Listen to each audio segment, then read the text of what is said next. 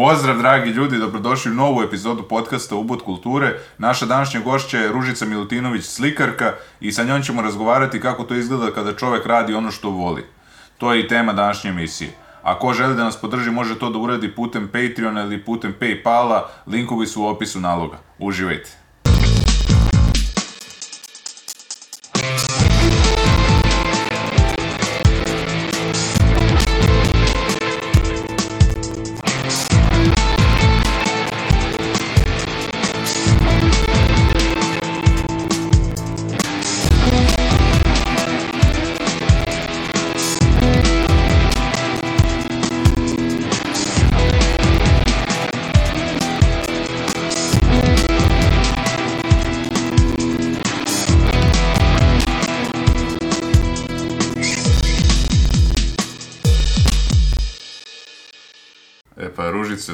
Dobrodošla, hvala ti što si došla.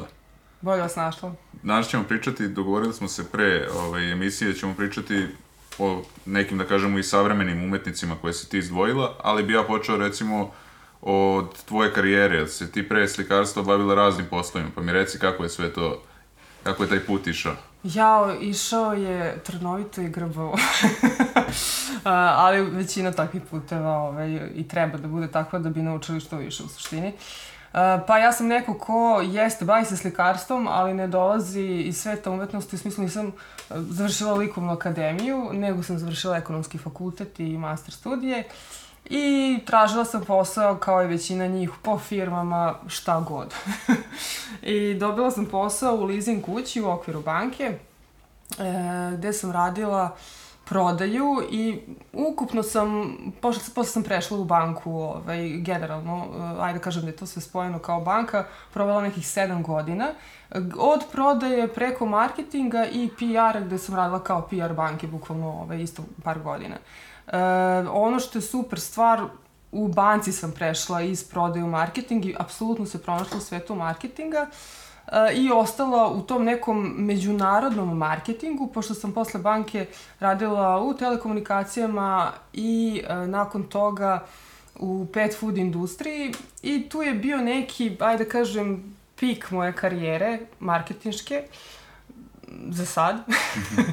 Ali ovaj, u smislu da sam bila menadžer za sve evropske zemlje, e, po pitanju brand communications zapravo marketing. E, to mi je u 30-ima omogućilo puno učenja, puno stresa, puno putovanja, e, puno naučenih lekcija, ali sam baš tada kad sam bila na toj poziciji, to je bilo kraj 2017. dala otkaz. u jednom momentu sam prelomila Da. Reci mi što je bio razlog. Da, da, ba bilo je nekoliko razloga. Najveći razlog sam bila ja sama sa sobom i na kraju nekom mojom, ajde kažem, odlukom zbog koju sam samo sebe dala u tu situaciju da me stres nekako, po, burnout, bukvalno. Uh, I otišlo i na zdravlje, naravno, kako to obično biva.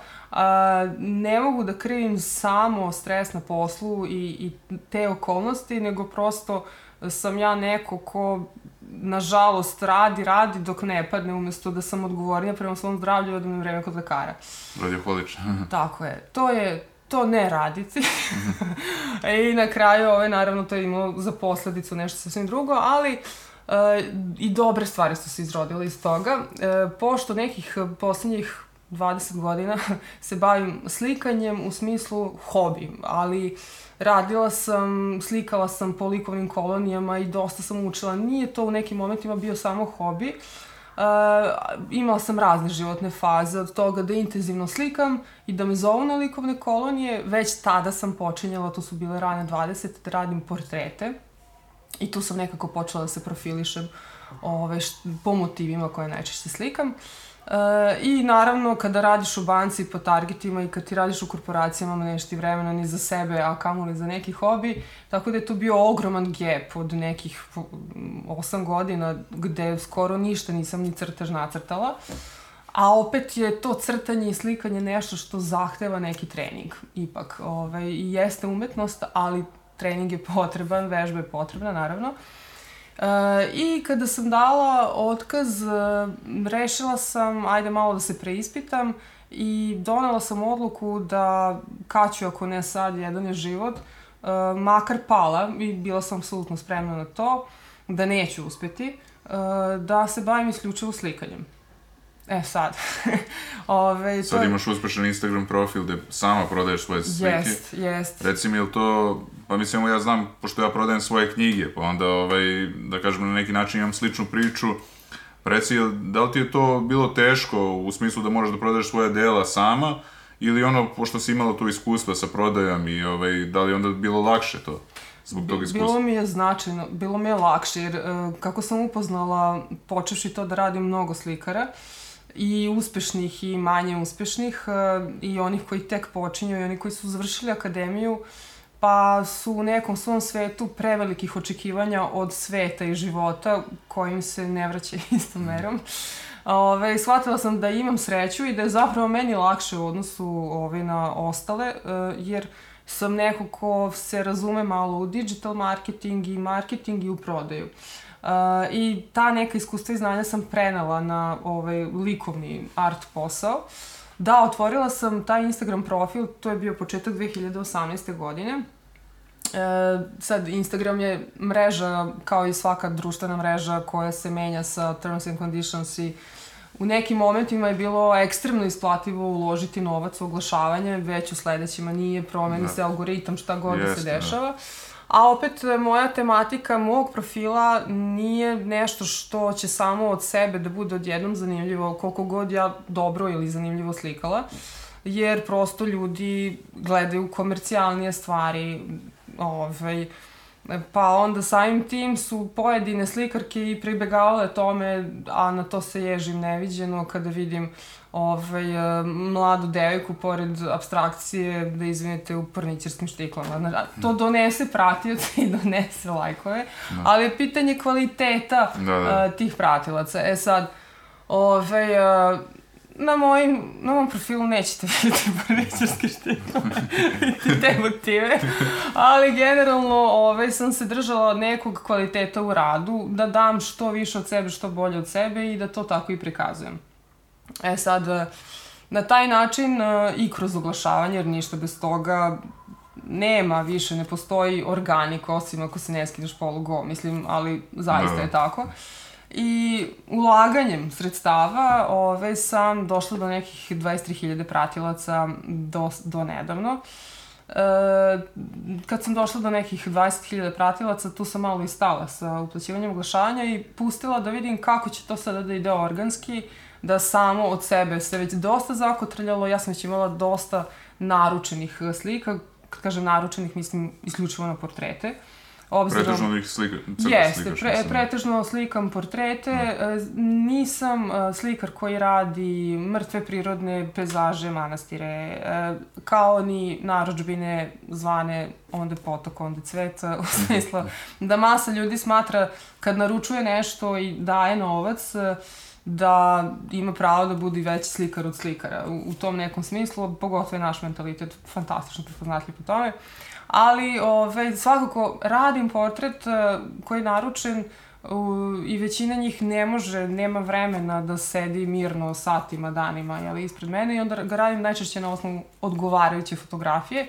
Ukoliko nje nema, ja sama fotografišem osobu i posle koja može da se prilagodi tehnici ulja na platnu i naravno menjam u toku izrade i ostale neke stvari. Ali ima ljudi koji su nedostojni tvoj portret. Ne, nedostojni. Nedostojni, da ih ne bi portretisao. Pa... Mm, loši ljudi. loši ljudi, da. Pa sad već kad si spomenuo, evo, palo mi na pamet da mi se, neću da ga imenujem, ali... Da, da, da, mislim, da. Ali javio mi se neki okoreli kriminalac kog bio, bio je užasno fin i kulturan u komunikaciji da, da, da. preko Instagrama, hteo je portret, ali ovaj, znajući njegovu prošlost i sve, iskreno više mi je rizično da tako nešto prihvatim, a i neki moj moralni kodeks mi može to baš ne dozvoljava. Tako da u tom nekom smislu, eto, ne baš baš svako. Da su se javili ljudi sa estrade? Jesu. Jesu, ove, ovaj, ma svega ima. Ali oni, a, toliko je prosto nekako uh, isto, bio neko sa estrade ili ne. Ove, ovaj, uh, neko čak, većinom koje radim, naručbine koje radim, nisu portreti neke osobe iz porodice, da, da mi se javi čovjek, ja želim mene da naslikaš nego je u većini slučajeva uh, neka tematika borbe koja se provlači kroz moj profil. E sad, Uh, vidjet ćete, da možda ne toliko u poslednje vreme, ali uglavnom sam preferirala da slikam poglavice indijanaca, ove, samuraje, scene iz samurarskih filmova iz 70-ih. Vidio sam i afrička plemena, Jeste. likove iz igrica. Je, likovi Assassin's Creed igrica, ove, sve nekako borbene, realistične, ove, uh, jake sadržine, da se prepozna jak karakter osobe, to je, me, to je nešto što mene je privlačilo i dalje me privlači. I prosto mi, kad već slikam nešto što nije naručeno, radije tako nešto slikam što bih stalno stavila na svoj zid.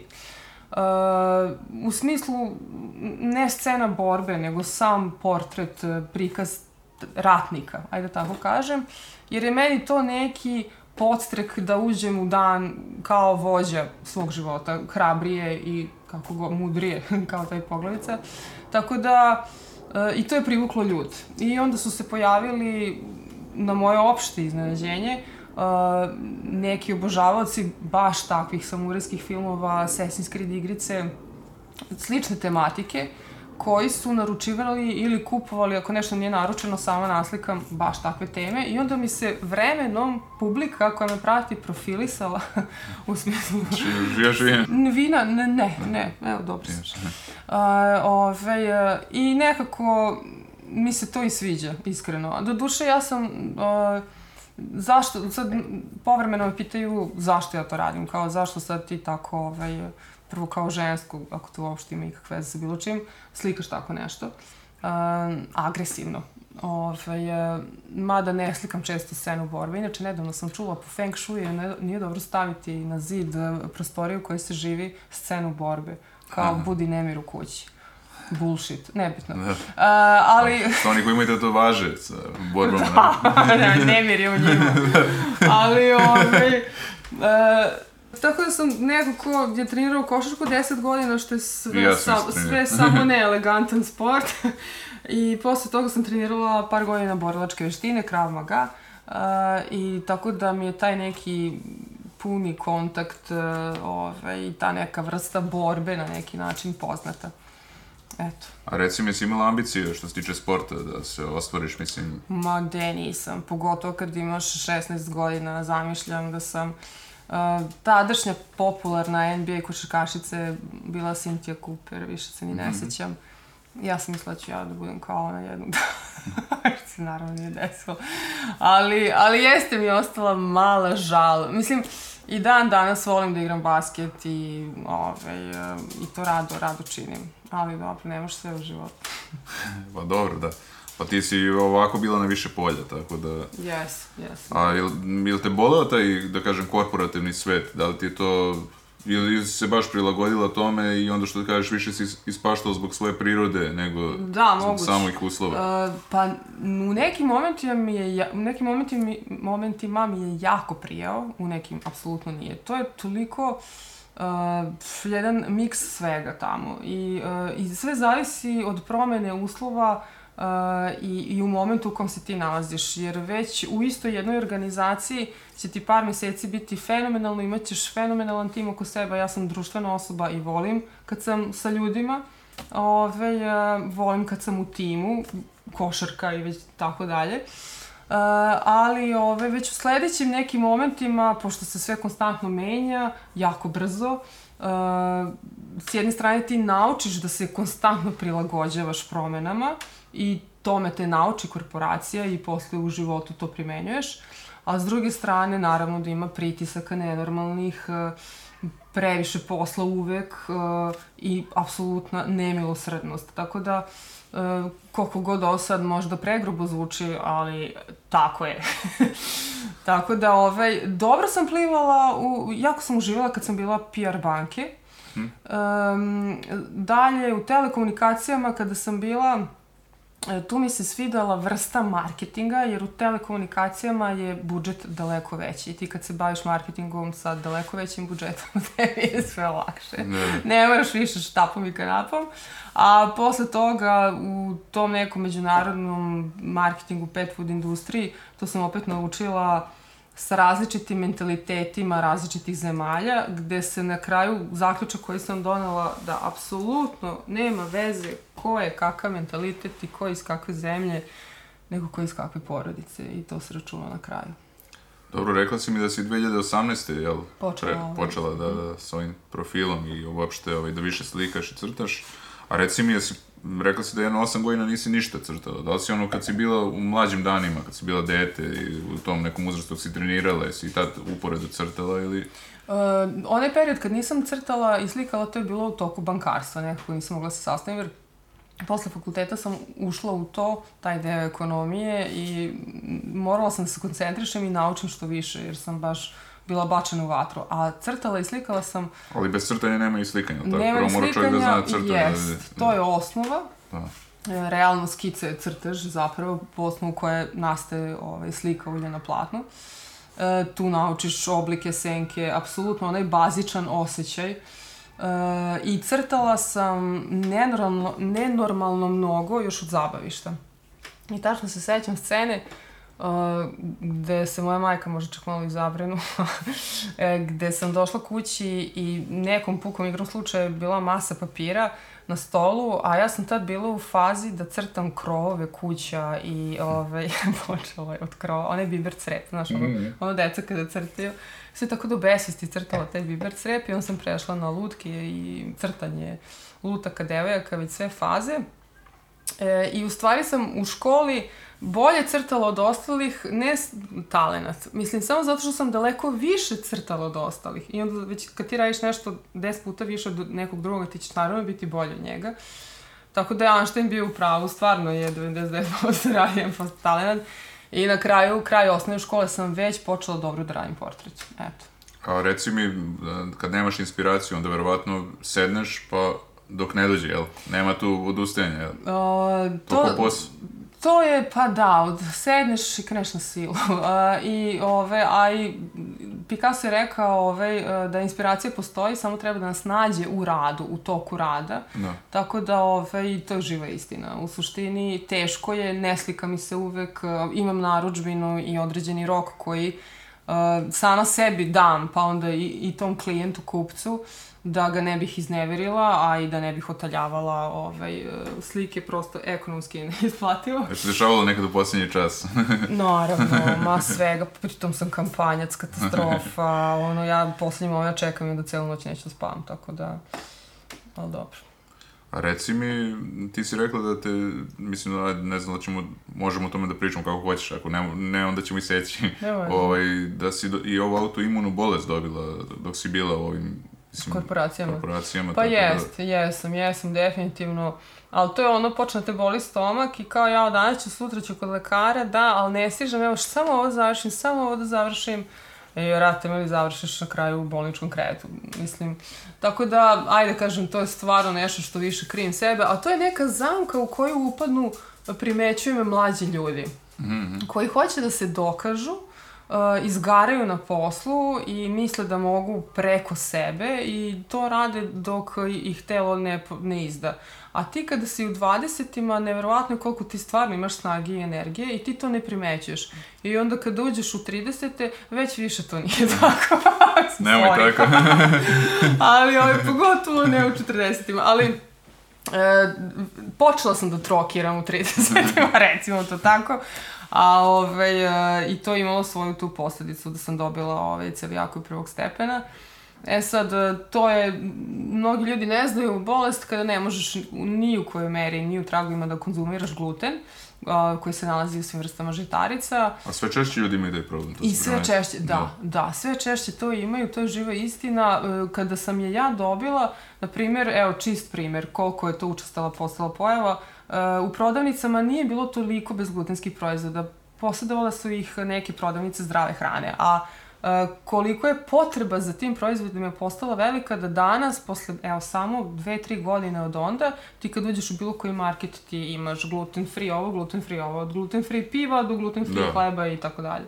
O, a nekad e, ra ranije si brašno dobijao u apoteci bezglutensko. Jeste. Tako da, ove, i cene su sada sve više pristupačne, nije više sve toliko ove skupo. Eto. A, dobro, hoćemo sada da se okrenemo, da kažemo, uh, pričali smo dakle o tom radu u ovaj, korporaciji. Sad mi reci, um, što se tiče slikanja, šta ti tu najteže? Da li ima neki problem? Mm, pf, ima ih toliko. Ove, š- mislim, šalu na stranu, ništa nije lako. E, ako ti hoćeš da napreduješ i da izađeš iz zone komfora, e, i da pređeš korak više. Meni je e, svaki neki novi veći izazov bio težak. E, Prvo, ogromno ulje na platnu, veća dimenzija, imala sam strah, e, imala sam tremu. Ove, e, tako da, a onda već kad uradiš nekoliko takvih ulja, stekneš iskustvo i kako se suši boja, kako se radi na drugačiji način i već sve ostalo.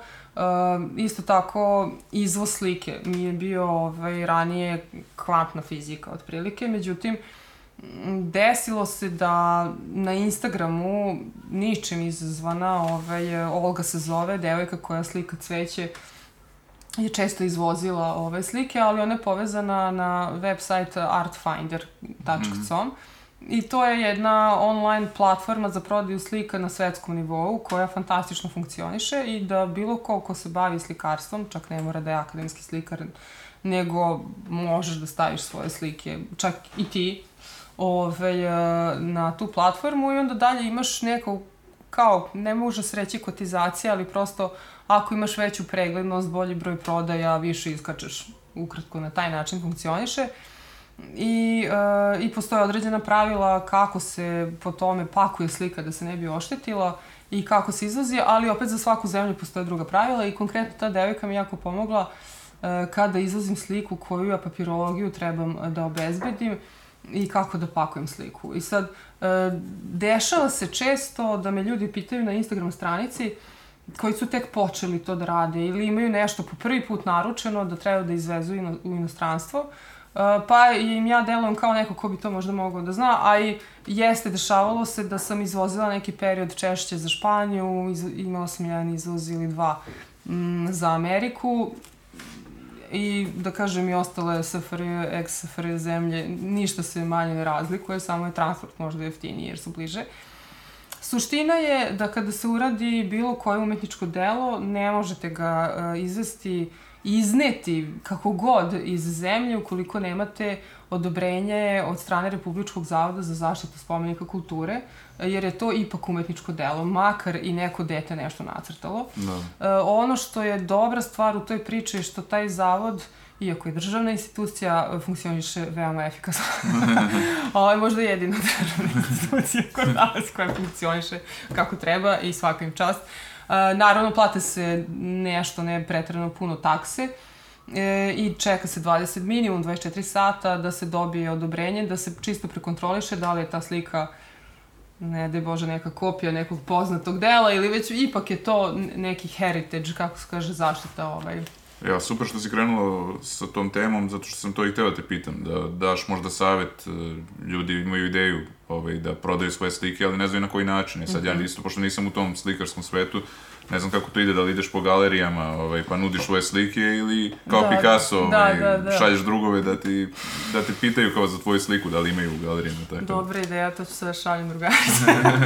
to, to, ove, nisam čula da je to radio, ali, Da. ali sviđa mi se. Dok nije bio poznat. Da, da.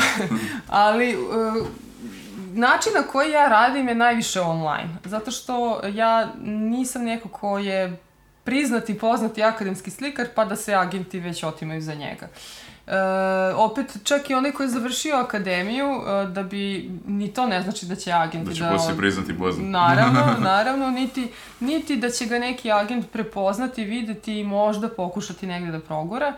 E, opet treba da bude vidljiv. I meni je prosto najlogičnije reš- rešenje za to da se što više prezentuje u javnosti, a danas je 21. vek, 2021. godina, društvene mreže, uh, Da. Google, uh, website, šta god što je online uh, i tu je svakako veli, velika preglednost kao prvo, kao drugo na primjer, Instagram je mreža koja je isključivo vizuelna i ti ako se baviš nečim vizuelnim, logično je da ćeš tamo imati bolju prođu. E, da bi te sutra e, primetio agent, galerista, kolekcionar i na kraju krajeva krajnji kupac. E sad, ono što je prednost toga, što ja prodajem sama svoja dela, je što nemam između tog nekog posrednika, između mene i kupca, drugim rečima nikome ne odare za proviziju. Ali, opet s druge strane, i oni su neophodni, e, pošto imaju veze, konekcije u stranim galerijama i tako dalje. I prosto, i to ima neki smisao. Mm, međutim, slikari, pošto ono što sam spomenula, upoznala sam puno nekih novih ljudi slikara, bukvalno sam grebala i da naučim što više od njih i da razmenimo neke informacije, ovo, ja njima o digitalnom marketingu, a oni mene o slikanju. Uh, I ja nisam, nažalost, neko ko je ušao u te neke poznate galerije. Nadam se da ću jednog dana biti. Ali jedan od načina je konkurisanje na međunarodnim umetničkim takmičenjima, odnosno nisu to više to kao neka uh, skupovi, ovaj, nazovim. Nedavno uh, se desio Nord Art, koji je u Danskoj svake godine, koja je najveća svetska izložba svih radova iz celog sveta koje se skupljaju jednom godišnje. Sad rok za prijavu je do kraja oktobra za 2022. I tu sam primetila da su prošli taj neki žiri u, u dalji izbor, dalje korake uh, po, na, naših fenomenalnih nekoliko umetnika. To je na polju i slikarstva, i skulpture, um, i akvarela i tako dalje. E, I svaka čast tim ljudima, pritom to su stvarno kvalitetni ljudi, kvalitetni umetnici, tako da vidim da primećujem da neko ko tamo sedi, to je ogroman žiri, uh, su stvarno stručni ljudi koji biraju sam kvalitet i dobijaju se dobre novčane nagrade. Sad, novčana nagrada manje više, mislim, procena da se to dobije 0,00, pošto konkuriše milion ljudi, ali... Kako se ljudi prijavljaju za to? E, online, bukvalno, online, da, da ovaj, e, postoji ovaj, e, sajt. Nord, i sajt Nord Art se zove, Instagram stranica, i tamo su sve informacije, e, sve online prijava i onda ako prođeš online prijavu gde kačeš fotografiju svog rada, ovaj, onda ako te zamole da pošalješ i fizički svoj rad uh, dalje u Dansku na dalje ocenjivanje, eventualno ulazak u katalog, izložbu i tako dalje. Tako da to je za nekog ovako ko nema kontakt uh, sa galerijama, naravno druga varijanta je da ideš kucaš na vrata galerijama. E sad, pitanje je koliko su one otvorene za ovako nekoga ko dođe bez preporuke i tako dalje, ili za nekog koga još nisu čuli. Ove, I to su ti začarani, zatvoreni krugovi kolekcionara slikarstva, koja pojma nemam kako se ulazi, iskreno, kad bi mi neko zvao i rekao mi, baš bih bila srećna. Ali za sad e, je bitno biti primećen. Um, I sad, e, meni prodaja za sada dobro ide i gledam da nemam, sad govori ekonomista iz mene, zalihe slika, jer trošak zalihe je trošak, e, nego da čak i da ne prodam sliku, posle par meseci je dajem po nekom super popustu, samo da je ne gledam. I uopšte nisam jedan od onih slikara koji, ja, žao mi se odvojim od svojih slika, ma ka, znači, žao mi da je gledam, ono, znam da propada tu. I bolje da je gledaš što više njih, makar jedna, još jedna osoba da je stavi na zid. Tako da, ovaj, drugim rečima, da bi se progurao grebeš na sve strane.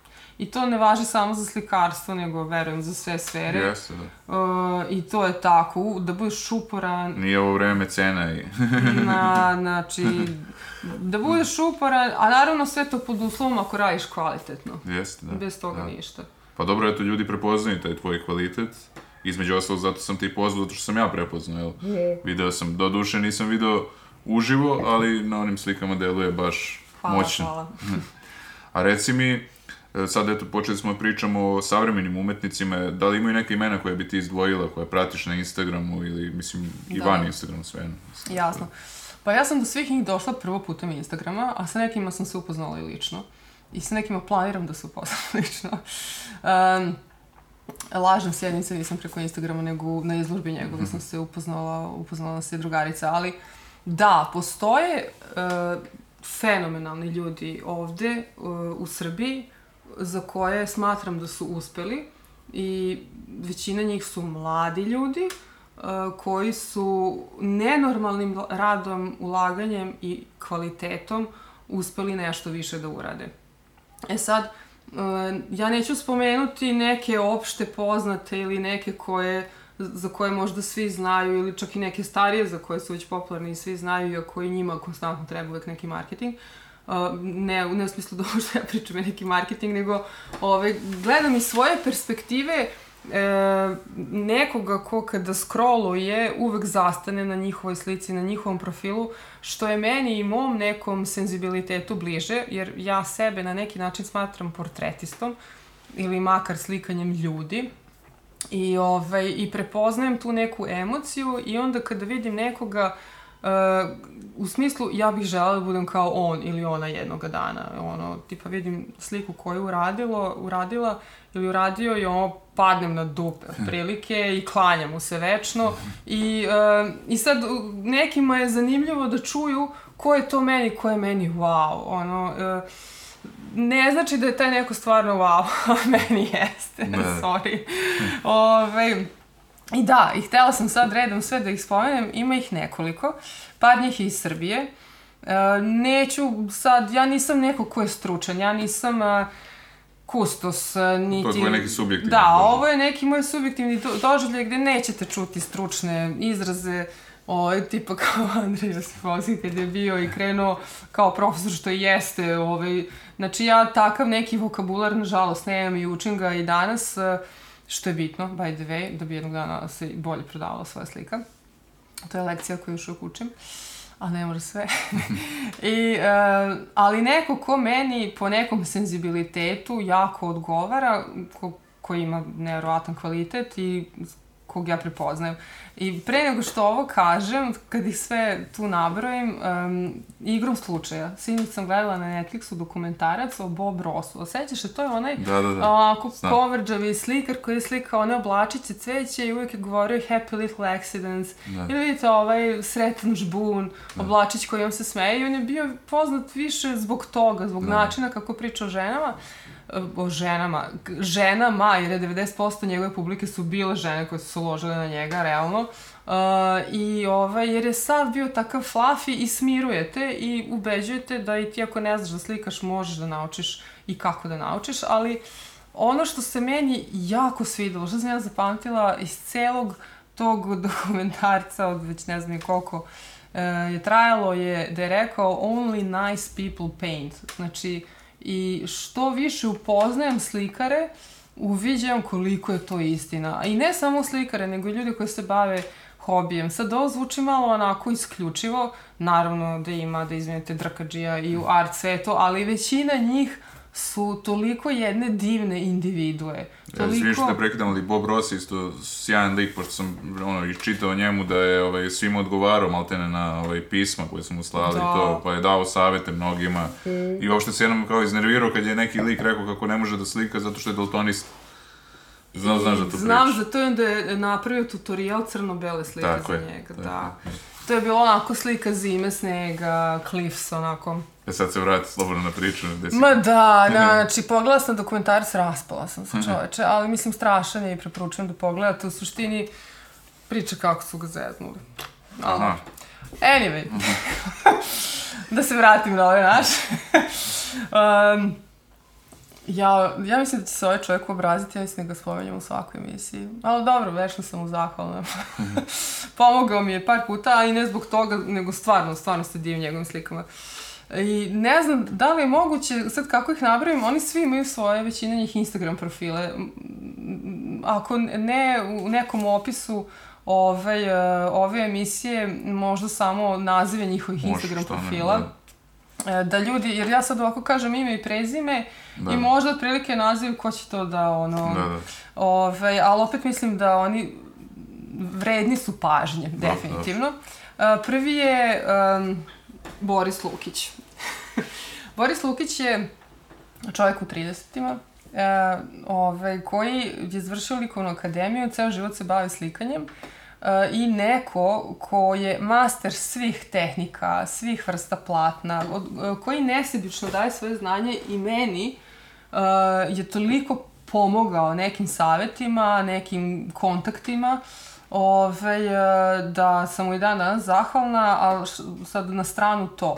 Njegove slike su slike portreti, aj na neki način, ali više to neki figurativ art, uh, koje su uglavnom žene, Uh, I to je neko eksplicitno slikarstvo. Tako se naziva njegovo slikarstvo, gde se ti šokiraš kada vidiš njegovu sliku. Gde otprilike uh, ono nekoliko metara sa nekoliko metara zid scena raširenog međunožja neke žene. Da. Na primer. Znači neće biti u izlazima galerije.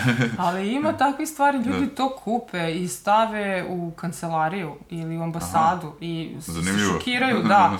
I niko to ne očekuje od tih ljudi. Da. Ove, sad nedavno je otvorena i neka pivnica u Beogradu um, gde je naslikan goli, debeli, blakavi muškarac ovaj, kako ako oždrano, onako, ovaj, drži neko pivo, ne vidi se, ja mislim, ona stvar, ali e, ti kad uđeš u tu pivnicu, onako, prvo zabezekneš se, znaš, da. ali I to je baš neki efekt ovaj, ko, kom se ja divim, jer ostavi ti emociju na kraju krajeva i jeste to poenta umetnosti jeste, da ti da. ostavi emociju, utisak ovaj, malo dublje. O, I on uglavnom radi te ogromne, ogromne formate na, što je meni bilo onako neko novo otkriće, ja sam mislila, mala ružica nema pojma, da se to radi na pamučnim platnima, ova, ova klasično što se prodaju po prodavnicama, ali to se radi na, la, on, on to konkretno radi na lanenom platnu i to je malo teže tako raditi u tanjim slojevima, a laneno platno izgleda skoro kao plahta, nije baš, ali opet je jako pogodno za ogromne dimenzije da se rola i da se transportuje i onda ponovo razapinje, ponovo i 200 puta razapinje. E, to je eto možda zanimljiv nekom detalj ko možda jednog dana bude planirao sliku 5 metara sa 6 metara. E, ne ide tako lako i ne može pamučno platno. Anyway, Ove, i drugačije se suši i drugačiji su medijumi, medijumi, odnosno boje i tako dalje. Eto, to je, meni je prosto fascinantan lik i rado odem u Novi Sad gde on živi, radi u, u njegov studiju da ga posetim, da ono kao malo dete, osjećam se kao ali su zemlje čuda kada odem u njegov studiju. On radi skulpture i sve živo i, i ja sam u fazonu, ja ne znam gde ću pre, otprilike. Uh, sledeći je Marko Kusmuk, opet uh, akademski slikar. Uh, Uh, neko ko radi takve slike potpuno drugačije od ove Borisa Lukića, ali opet uh, radi ljude, uglavnom starije ljude, gde prezentuje psihu uh, kroz anatomiju tela, ne, na neki opet malo, nije baš toliko eksplicitan način, ali jeste mm -hmm. uh, prikaz, neko istraživanje kroz neke jake boje, nekad ne, i jače kontrasti i tako dalje.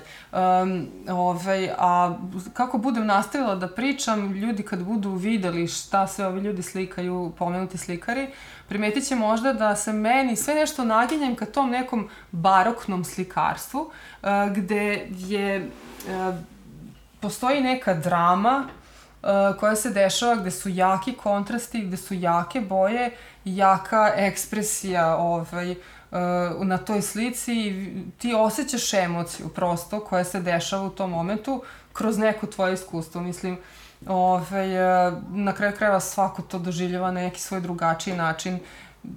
Možda nije ni bitno kad neki slikar to naslika šta je on hteo da kaže, kako ti to razumeš ili tako, da. tako dalje. Tako da, ovaj, postoji ta neka velika intenzivnost i mene pogotovo privlači kad neko slika ljude na taj način. Prosto nema mi jače emocije. Čak i ako imaš tuđi portret u kući, nema veze ako nije tvoj, ti se prepozneš kroz taj portret sebe na neki način. Uh, Marko Kusmuk je neko ko je bog otac uspeha po meni, čovjek koji izlaže, on je meni onako neki sinonim za uspeh, ne mogu reći baš fensera i mislim da se to nikome ne bi svidelo, ali neko ko skoro svake godine na Nord Artu uh, priznat, cenjen međunarodnim nekim okvirima, Ovaj, isto i Boris Lukić koji izvozi slike od Amerike do, ne znam, ono, preko celog sveta. Tako da, zaista ljudi koji jako vredno, jako kvalitetno rade svoj stil i tačno prenose neke svoje poruke umetnosti, šta oni vide, kako vide savremeni svet, čoveka, žensko telo, šta god. Uh, Dalje, uh, ovaj, sledećih nekoliko, ova dvojica su mi vrh mm -hmm. od naših. Ovaj, I otprilike padam u nesest na bilo koju sliku ove, njih dvojice. Sad ide, ove, šalim se, par mesta prazno. Nije da da kažem, ne ide. Ali svi su u istoj grupi u stvari. A recimo kad spomenješ već inostranstvo, gde je najdalje otišla tvoja slika? E, najdalje je otišla u... Uh, u da li ta ili ona druga, čekaj da se setim. Uh, Zimbabwe. ne, ne, ne, ne, ne, ne, ne, u Wisconsin, u Wisconsin, u Wisconsin je otišla. Pošto sam imala još dva portreta za Ameriku, ne mogu se setiti koji su bile zemlje. Da. Ove, vlasnici su ovdašnjih firmi bili ovde e, i ove, to se sećam da je bio to jedan toliko lagani transport e, gde se kod, e, od tri slike kod jedne se uopšte nisam učila zato što lik ima svoj privatni avion i ono ne treba ti carina i ne znam šta da, da. i dozvole, dobro treba ti dozvole u svaki slučaj, ali ovaj, samo je strpao svoj privatni avion. Ja sam bila u čoveče, moja slika je privatnim avion. Ali, e, a imam toliko anegdota vezano za, jako su različiti ljudi koji dođu sa, ipak, u srpskim uslovima je to veća količina para da isplate sliku. Uh, I sad, uglavnom su to neki vlasnici firmi, gaming kompanija, ako će igricu da. ili neki ljudi dosta poslovno ostvareni, ali toliko različito pristupaju tim slikama od, od toga da žena dolazi u bundi od laje do pete, na njoj je, kad vidiš kako je obučena cena jednog auta, otprilike, uzima sliku, kešira i onda ide, ovaj, ulazi sa tom slikom u 95-icu, u najveću gužu u autobus, gradski, da odveze sliku do stana gde ja ono, jao, valjda je neće neko šutnuti, zgaziti. kako ne plati taksi, evo ja ću. Znaš, onako kada da. ovaj moment toliko nelogičnosti. Nemoj da pričaš, možda neće više kupovati. Ma, ono, posle se nije ni javila. da mislim da neće ni sad. Ali, ove... Neka je srećan put, ja. Neko srećan put, ali na kraju krajeva ni, ni nema razloga se ljuti. Prosto ja sam njoj tada i odmah rekla, pa jeste li vi sigurni? Ona je videla na mom licu Nemam ja ništa protiv gradskog autobusa, ja se vozim gradskim prevozom svaki dan, ali ako ti imaš veliku vrednost sa sobom koju da. nosiš, da. pa nije mi baš sve jedno. Da. Ove, ovaj, posle ću se vratiti, evo još par anegdota, sam, sam bukvalno upala u temu, krenula nabrajam slikare, evo tu sam stala. Ja se te prekidam. Ne, nema veze, ove, ovaj, još neka anegdota, a baš se tiče kada dođu ljudi, e, gde se ja iznenadim i prijatno, a najčešće se prijatno iznenadim. Ove, ovaj, desilo se da su ljudi naručili scenu koju ne slikam, inače nije klasičan portret, nego je scena protesta.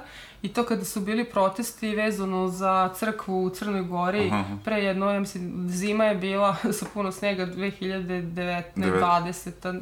20. nešto, 20. Da, da, da, I ove, bila je ona scena u manjem mestu za Božić gde je vejavica, pada sneg i svi su iz tog malog mesta izašli da protestuju i nose krsta, ono sneg šive po njima neviđeno. I to je neko snimio mobilnim telefonom, katastrofa loš snimak. Uh, I žena koja to toliko znači, inače ja takve stvari odbijem glatko, jer prvo ne vidim ništa, drugo nije moja tematika, ovaj, e, nekako, kako sad ja ovde naslikam, ovaj, ali kada vidim da je neko toliko zagrižen i toliko mu znači to, ovaj, e, ok, pristala sam, a međutim dalje šta se odvijelo, ta slika se završila, ja sam dobila dozvolu za izvoz, međutim, e, ta se smenjivala vlast u Crnoj Gori, pa je bila tebi što smo se zezali. Prvo da će ih pustiti na granici sa tom slikom, a drugo, to je prva slika koju je neko osigurao, osigurao kod osiguravajućeg društva od krađe, oštećenja i tako dalje se ostavilo toliko počestvo. Prosto tako kažem, ljudi, neće moju sliku niko ovaj da mhm. krade, ali, ali opet glupo je što sebe omalovažavam na taj da. način, jer možda su pravo, možda hoće, ne da. znam. A, ovaj, a neko mi je od druga komentarisao, jao čoveč, ako se vidi tvoj potpis na toj slici, to naslikala, naslikala si scenu protesta i sad ti zabrane trajno ulazak u Crnu Goru, kao, po tih dana su svakom zabranjivali ulazak u Crnu da. Goru i e, sećam se da sam rekla, ako meni neko zabrani ulazak u neku zemlju zbog moje slike, pa ja ću smatrati da sve uspelo u životu. je toliko da. bitna slika, ne. Ali naravno to se nije desilo, niko me nije ni primetio i no, ono sve je prošlo okej. Okay. Uh, ove, ali bilo je, milijon scena, stvarno o tome bih mogla da preko sutra, neki klijenti su toliko zanimljivi i toliko neobični ljudi i Je žive... bilo nekih bizarnih ideja? Bilo je svega, dobro, baš bizarne ideje, ne prihvatam da slikam, ali opet e, imam uh, jednog čoveka koji me toliko pomerio iz nekog koloseka uh, uobičajenih stvari koje slikam i zbog njega sam počela jednu seriju koja je prvo bilo crno-bela ulja na platnu, posle su se pretvorila, kad sam već skontala neke stvari i naučila bolje, da deluje da je slika dvobojna, da- kao sad već sepija varijanta, ono kao brownkasto, crno-belo ti na prvi pogled vidiš da tu ima dve, dve boje, a kad pogledaš bolje, to zapravo sadrži oko 7-8 boja, koje se na prvi pogled ne vide, ali ti daju dubinu slike, e, živu, živu kožu ili šta god. I e, čovek, e, kupac, on je kupio od mene, to slagaću te, ali ja mislim rekorder, 23 slike da je kupio od mene. Mislim da su njegova kuća je izložba ono mojih slika. E, to je neko ko je gastarbajter iz Amerike, a e, prosto voli moj način rada i voli komunikaciju sa mnom. I Ove, uglavnom ljudi mi skreću pažnju na to da je to razlog zašto pre od mene naruče nešto, jer e, nisam sad neki uobraženi slikar, da je težak u komunikaciji. Ove, lako im je da se dogovore sa mnom. Opet ja lako i odbijem nešto kad ne može, ne može, ali kad može... Nije... Evo, lako smo se dogovorili za ovaj podcast. E, pa da. E, tako da, ovaj, e, on mi je prvi rekao, kao da bi ti mogla naslikaš portret, Al Pacino je bio tada, čini mi se, ne sjećam se, e, i on mi pošalje crno-belu fotografiju. Fotografija je fenomenalna. I ja na keca kažem da, apsolutno ne razmišljajući, e, posle se setim, čekajte, ovaj, vi to hoćete u boji ili ovako kao što je na fotografiji crno-belo. A on tek isto zbunjen kao ja, kao pa nemam pojma, pa je kao crno-belo. A ja njega gledam, pa dobro, mislim u životu, kako sad crno-belo ulje na platnu. I od njega je to počelo. I, ove, I inače, neki iskorak u slikanju se desio kad je on imao neku novu ideju, kako god me nervirao puno puta. Da. Uh, Opet je naterao da- Opet me naterao da malo ja izađem iz koloseka, uradim nešto drugačije, onda to ispadne u stvari dobro. Da nastavim kod ovih slikara, da sad ne idem previše. to naš čovjek taj iz... Jeste, naš, naš je čovek. Ma mi imamo fantastične ljude. Nisu samo ove slikari nice people i svi kupci slika su nice people. dakle, dalje. E, rekli smo Boris Lukić i Marko Kusmuk. Um, iz te neke mlađe generacije, ili bar mi čovjek deluje mlađe sad slagaću, mi, uh, sam se oduševila Bratislavom Jovanovićem. Uh, koji je takođe sada na Nordartu ovaj, uh, prošao, mislim, dalje. A njegove slike su toliko spiritualne, toliko jake i to su razne scene, onako isto dramatične, uh, u nekoj tmini, uh, gde on sa tim svojim slikama skreće pažnju da neće više biti spiritualnosti među nama u budućnosti. Znači, da više ništa uh, dalje neće biti vredno patnje. Ovaj, I toliko je čovjek očigledno zabran zbog toga, ali apsolutno ga razumem u, u mnogim kontekstima i stvarima i on pokušava kroz svoju umetnost to nekako da prikaže da tako komunicira, a pritom slike su mu isto ogromni formati, padanje u nesvest, kako on to prone, prenese grč čoveka, ljude slika naravno. Da, da. Ovaj, dalje bih izdvojila Marinu Marković, ona je većini poznata, to, sad ja sam uglavnom spominjala ljude koje rade u uljanim bojama, ona uglavnom radi crteže koje su rozlinkave nekoj boje, ljudi prepoznaju po tim eh, crtežima žena, ovaj, koji su toliko, ona je sada dobila nedavno nagradu Veličkovićevu za najbolji crtež, sa punim pravom i razlogom. Uh, ona ne radi samo to, bavi se i performance art uh, Da, tu da, i da. tamo. Ove, uh, I slušala sam nekoliko puta sve njene životne priče i toliko iskreno to sve prenosi i ona je neko ko je apsolutni primjer ko živi za umetnost. Da su bukvalno slike njena deca i, ovaj, i celu sebe daje u to. I ti vidiš to, ti prosto vidiš u nečijem radu da je taj sebi prosto se o, otprilike u tom radu i zato to treba toliko puno da se plati.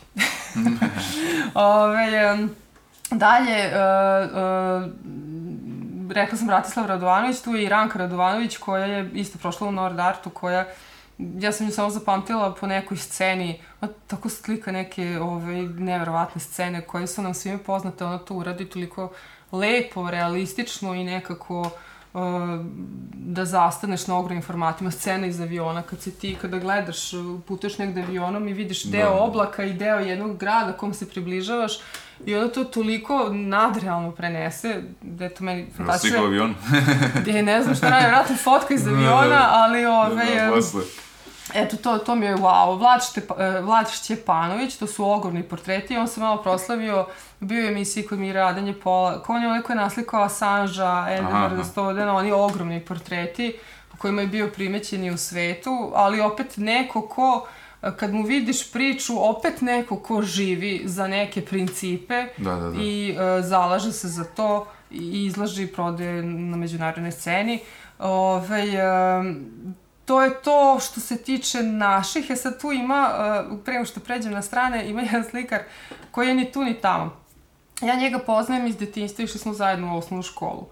Uh, to je Endre Kiš i on je studirao, uh, pošto mu je uh, maternji jezik mađarski, Da. u Pečuju i već ne znam gde je završio likovnu akademiju, međutim on se i tekako proslavio u Mađarskoj uh, po svojim neverovatnim slikanjima. Mi smo čak išli, ja, ja se sećam, on i Ti još... si je- Subotica. Ja sam iz Subotice, da. Uh, I sećam se, ja sam tad bila, da li srednja škola ili tako nešto. I mm, išla sam u srednju ekonomsku i znala sam da ću studiram ekonomiju, bile su 90. Tako je bila situacija, nema se, ne može se i prosto ovaj, nije mi likovna akademija ni bila na spisku o, da pomišljam da ja idem na to, nego daj da nađem nešto da mogu što pre da radim. A on je, tad meni to delovalo suludo, kao, ovaj, e, ali opet veoma hrabro, da prati svoje snove i da će da bude slikar. Ali ti 90-ih, kad kažeš da si slikar, to je bio sinonim da ti umiraš od gladi. Ko je znao da danas slikar može da živi fenomenalno i ne Da samo sam za slikar, sebe se izbori. da može sam za sebe da se izbori, da neće večno biti 90. Znaš, ti u tom Da, da. nekom okviru gledanja i razmišljanja ne vidiš šire. Ovaj, Da. U toj si kuti jer si pod traumom. I sad šta da se radi. Ali ovaj, e, on je neko ko je zaista po meni uspeo. E, radi portrete, ali na neki drugačiji način, opet kao kroz neku pikselizaciju, ali veoma pr dobro prenosi probleme savremenog društva. Od klimatskih promjena, zagađenja, svega što je utkano tako, ta neka sranja koje ne primećujemo, a tako ih aktivno sprovodimo. Tako da, po tome mi baš ga izdvajam. E sad, ovih ostali, to su svetski slikari, koji neki su poznati, neki nisu. Svi su portretisti. A izdvojila bih, na prvo mesto bih sta, stavila Casey Baug. E sad ne znam kako se to tačno, ovo je Casey je Casey, ali prezimo je Baug H. On je neko ko ima pff, 400.000 pratilaca, na primjer, i ko je stvarno poznat. Ali zašto? E, najpre zbog jako dobrog marketinga na Instagramu, za to skidam kapu. Kako taj čovjek radi marketing U sam čemu za je sebe? to čar? Uh, prosto neko ko ima ozbiljnu produkciju i ulaganje u vide, u uh, ovaj, pravljanje priče kako nastaje Aha, slika, aha. na jedan toliko kvalitetan, narativan i filmski način. Bukvalno kao da mu je stvaranje svake slike jedan mali film za sebe. Da, da. E, što zapravo i jeste mali film za sebe, ali on to je neko ko je bio dovoljno pametan i imao neka sredstva da uloži, e, da to predstavi svetu.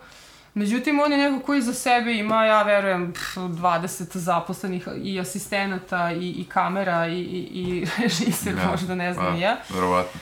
Pa da, tako da ovaj, e, njegov profil bih preporučila svima ovima koji kreću na Instagramu, a ja, i onda kad uporede svoj profil i njegov profil, onda vide da, da. kako to treba da izgleda. I mene sramota mog profila kada gledam njegov profil. Može bude demotivacije. Da, da, no, kao, ne mi ovo oko para, ali, ove, ali A opet, polako ti motivacije. opet je motivacija, da. E, tako da, e, a opet svega toga ne bi bilo da on ne radi portrete fenomenalno. A po čemu se on izdvaja? To su noćne scene. I ti kada vidiš, e, i radi naravno ogromne formate, dobro radi portrete žena, devojaka, tako samo lice i neke senzualnosti, ali sve je neki obris pokretu po noći. Gde on tako prenese da ti u jednom malom deliću te slike vidiš da je jedan noću, da je izašla iz e, kluba, da je možda malo pijena, možda i nije, da bukvalno u tom blagom obrisu ti vidiš već celu priču iza nje. I to nije uopšte lako preneti. I pritom ima dubinu njegova, njegova ulja na platnu. Uvek su tu neka treperuća svetla grada u pozadini ili samo sijalice na ulici. Zna da bude i scary, ali, ovaj, ali je jako, jako emociju ima, jako ovaj, dubinu. Njega prvog izdvajam, mada za njega kažu da nije dobra osoba. Eto, Aha. vidiš. Dobro. A, da maltretira zaposlene. Možda kažu zato što ima puno para i dobra um, produkcija. Da, da skrenuo je. da.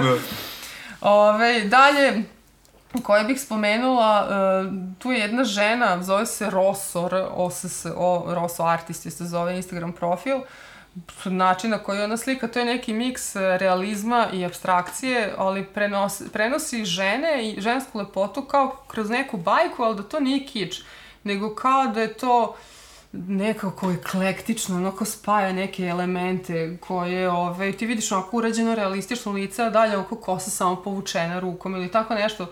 Ove, ovaj, a gde ti opet vidiš jednu savršenu kompoziciju, toliko vizualno savršeno urađenu, da su stvarno wow, dalje su... Ali recimo mi to za kič, to je verovatno tanka linija gde čovjek može da Ma da, ovaj, promaši i ode...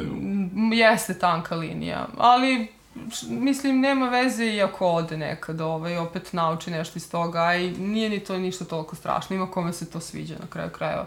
Ima Neko... kome može da proda. ima ko može da proda, pa naravno, a ima gde od kiča naprave na neki način nešto dobro, znaš, da. tako da sve je miks svega.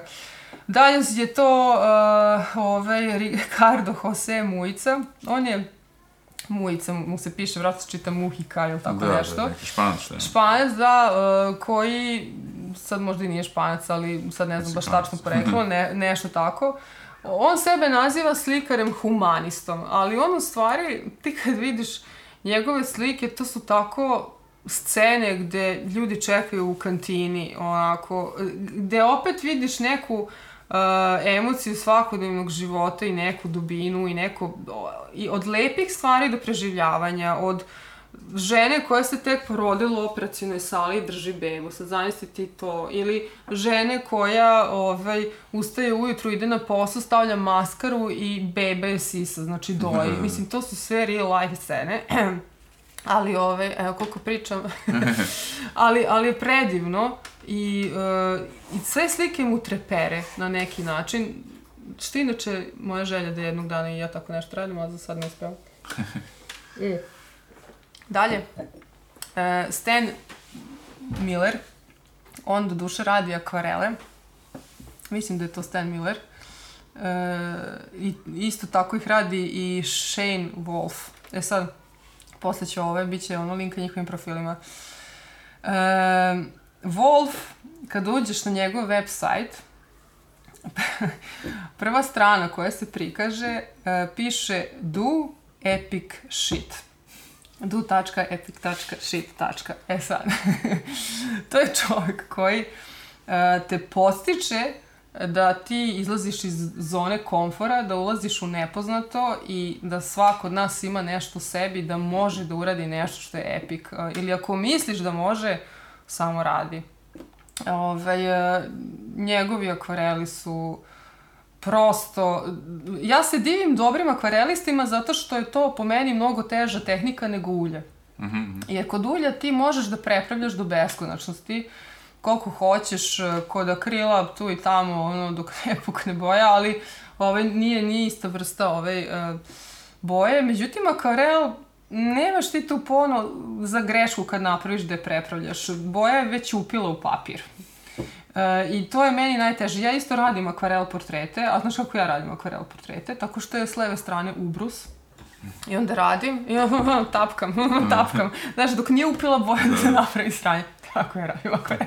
A opet s druge strane, taj e, ubrus mi je i druga četkica, jer onda tako pravim neke prelaze i sve ostalo. Ovaj, I najviše volim da radim akvarele koji su, najbolji akvareli su na jakom suncu, gde se vide jake senke preko ljudi, gde ti to možda uradiš, a e, radila sam e, scene ili iz dobrih spotova ili iz filmova. E, Big Lebowski, na primjer, ono, uh, onaj lik prolazi u kuglani, ono, don't fucking Jesus, pa znaš, ono dvojica, ono John Goodman, ono, kad pogleda, i ove, drugi glumac, sam na moje zaboravila ime, ali... John Torturo. e, Mi ne mogu sad se setim. Ili Beluš, to ne Beluši, nego ovaj Bušemi. Da, Bušemi, jeste. Bušemi. Uh, pa ovaj, uh, ili na primjer sad, ovo zvuči kao neka komercijala, ali ona pevačica Rosalija, uh, jako je poznata, uh, svetski poznata, mlada ovaj, pevačica. I ona je uradila, ima neku pesmu i spot, uh, zaboravila sam kako se zove, mogu pogledam, ali scena počinje spota, pošto jako volim da gledam dobre muzičke spotove koji su kao mali filmovi, Sve manje ih ima. Jo, ali ne bih rekla. Ne, Ima ih, samo treba dobro googlati. da, da, a dobro, A, nepoznati e, su. Da, da, nisu, možda ovde u Srbiji nisu toliko poznati. Scena je, desila se saobraćajka, sad nema nikakvih scena, neke krvi i svega. Ti samo vidiš dva skršena auta uh, i dete, jedan dečak i jedna mala devojčica su napolju stoje i vidiš da su skroz garavi, da su oni izašli iz tih kola, da je on izašao iz jednog auta, a ona iz drugog auta. I oni onako gledaju, poznaju se, a vidiš dečakova faca u fazonu ovako je gleda, on se već zaljubio nju. A devojčica onako sva razbarušena, preživela upravo sa obraćajku, onako vidiš da je već malo oštećena. Ona ga onako gleda nadrndano i, ove, i toliko je jaka scena i e, uradila sam akvarel njegov i njen. Ove, eto, te neke stvari, hvatanje emocije, moment, volim tu da prenesem. Ove, to su otprilike ljudi, e, ima ih tu još Daniel mm, Sprajki, Aleksandra Claire, on je francuz, neko ko se ne slaže s jednim od ovih, ono meni čisto zabava, ono neki ljudi idu da gledaju, ne znam, parove, farmu, kako se ljudi svađaju, idem na Instagram profile slikara, da gledam kako se slikari svađaju u komentarima, znači svega ima, ono, stvarno, ali... Možda ove, se napravi neki reality sa slikarima. Da, uf, to bi bilo svega, a najviše I da se alkohola. nauči kako se slika i sve, Da. a završilo bi pogubno za sve. Ba, završilo bi ko zna kako, ali kad, kad sam spomenula alkohol, samo još jednu rečenicu, uh, kad me pitaju kao, ja, pa ti si samouka slikarka, ne znam ti ni ja, u stvari, uh, možda sam ja učila puno sama sebe, ali sam zapravo učila od drugih slikara, gledajući druge slikare, jer kako bih inače na neki način znala, a najviše sam naučila na likovnim kolonijama, i to od pijenih slikara, jer svi popiju, ne da su baš svi alkoholičari, ali opuste se. I kada popiju, onda krenu da ti odaju sve svoje tajne. Ove, tako sam najviše naučila od pijenih slikara na likovnim kolonijama. Znači do tajnice dolazi preko alkohola. Eto. Pa super. Da li imaš još neko ime koje bi spomenula ili to je to otprilike što si... Pa, otprilike to, to više sam se držala e, slikara koji rade ovaj, e, por, ljude i portrete, ali naravno pratim ja i ostale prosto A od ovih svetskih priznatih, mislim, klasika sad već, ili imaš nekog svog, da kažemo, favorita? Pa, e, nemam, zato što... E, e, možda Caravaggio, ajde, ali e, u nekom smislu gledam da dajem pažnju živima, Da, da. živim Jer im ne daju mnogi. da. Ove, I da obraćam, jer i ta umetnost je živa i menja se i ti toliko toga novog i fantastičnog vidiš sad od mladih ljudi. Zapravo, pričala sam sa jednim profesorom na fakultetu savremenih umetnosti koji je rekao mene fasciniraju svaka nova generacija, ja učim od njih. Znači, ja sam profesor, ja treba njih da učim ih, da, učim ih nekih stvarima, ali zapravo nevjerojatno koliko oni mene puno toga nauče svojim svežim, neokaljanim gledanjem na stvari, bez uticaja ičega, onako sirovo. Pa Ružice, hvala ti mnogo za izdvojeno vreme. Hvala tebi. Stvarno mi je bilo zanimljivo i nadam se da ste i vi uživali i vidimo se.